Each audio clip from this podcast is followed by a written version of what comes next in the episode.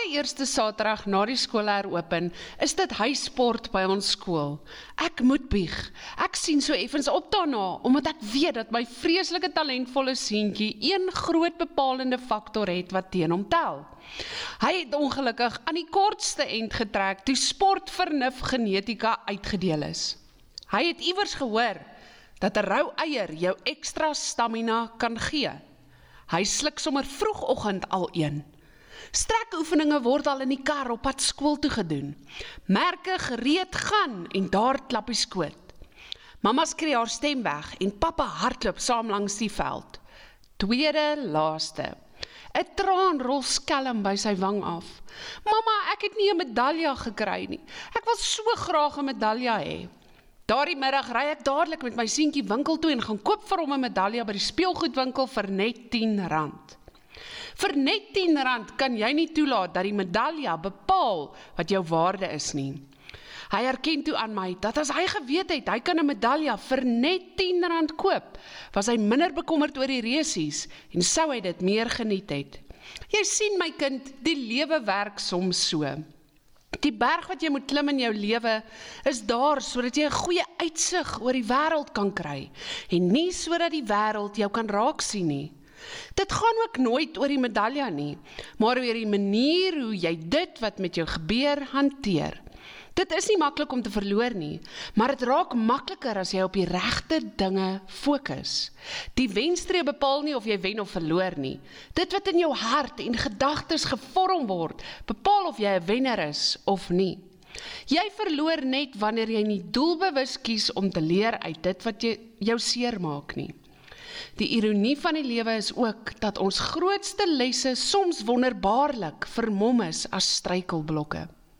Die keuses wat ons maak, bepaal die ervarings wat ons sal meemaak en die dinge wat jou hart breek, maak dikwels jou oë oop.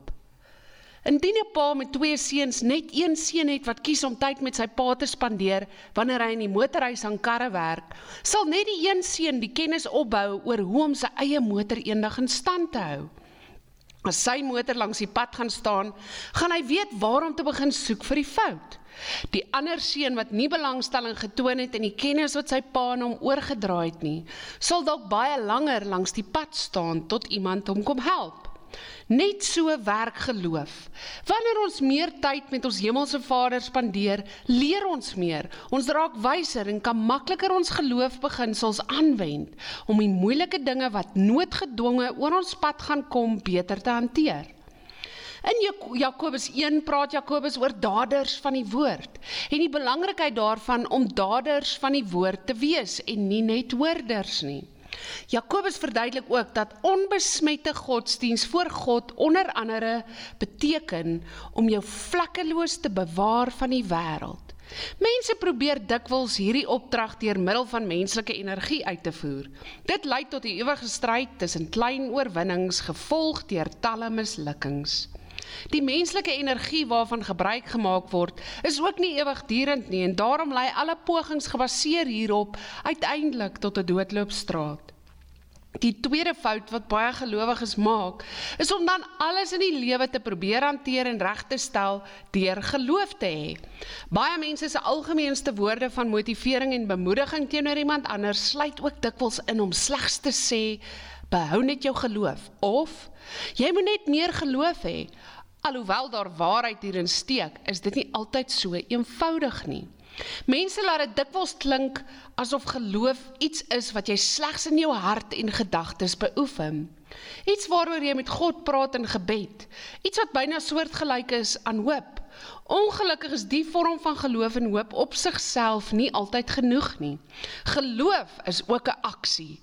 Dit sluit onder andere in dat jy fisies bou aan 'n toekoms met die wete dat God jou werke sal seën. En gevolglik, soos in Romeine 8 vers 28, dat God alles in jou lewe of dit nou goed of sleg is, ten goeie sal laat meewerk omdat jy hom liefhet. Geloof is 'n aksie, geloof is 'n wyse vir jou om aan God die eer te gee wat hom toekom.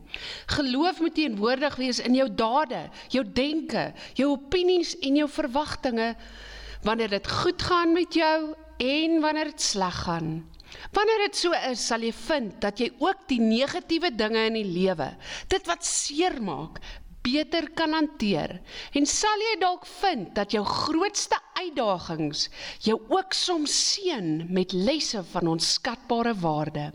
Ruil eerder die medalje vir die les.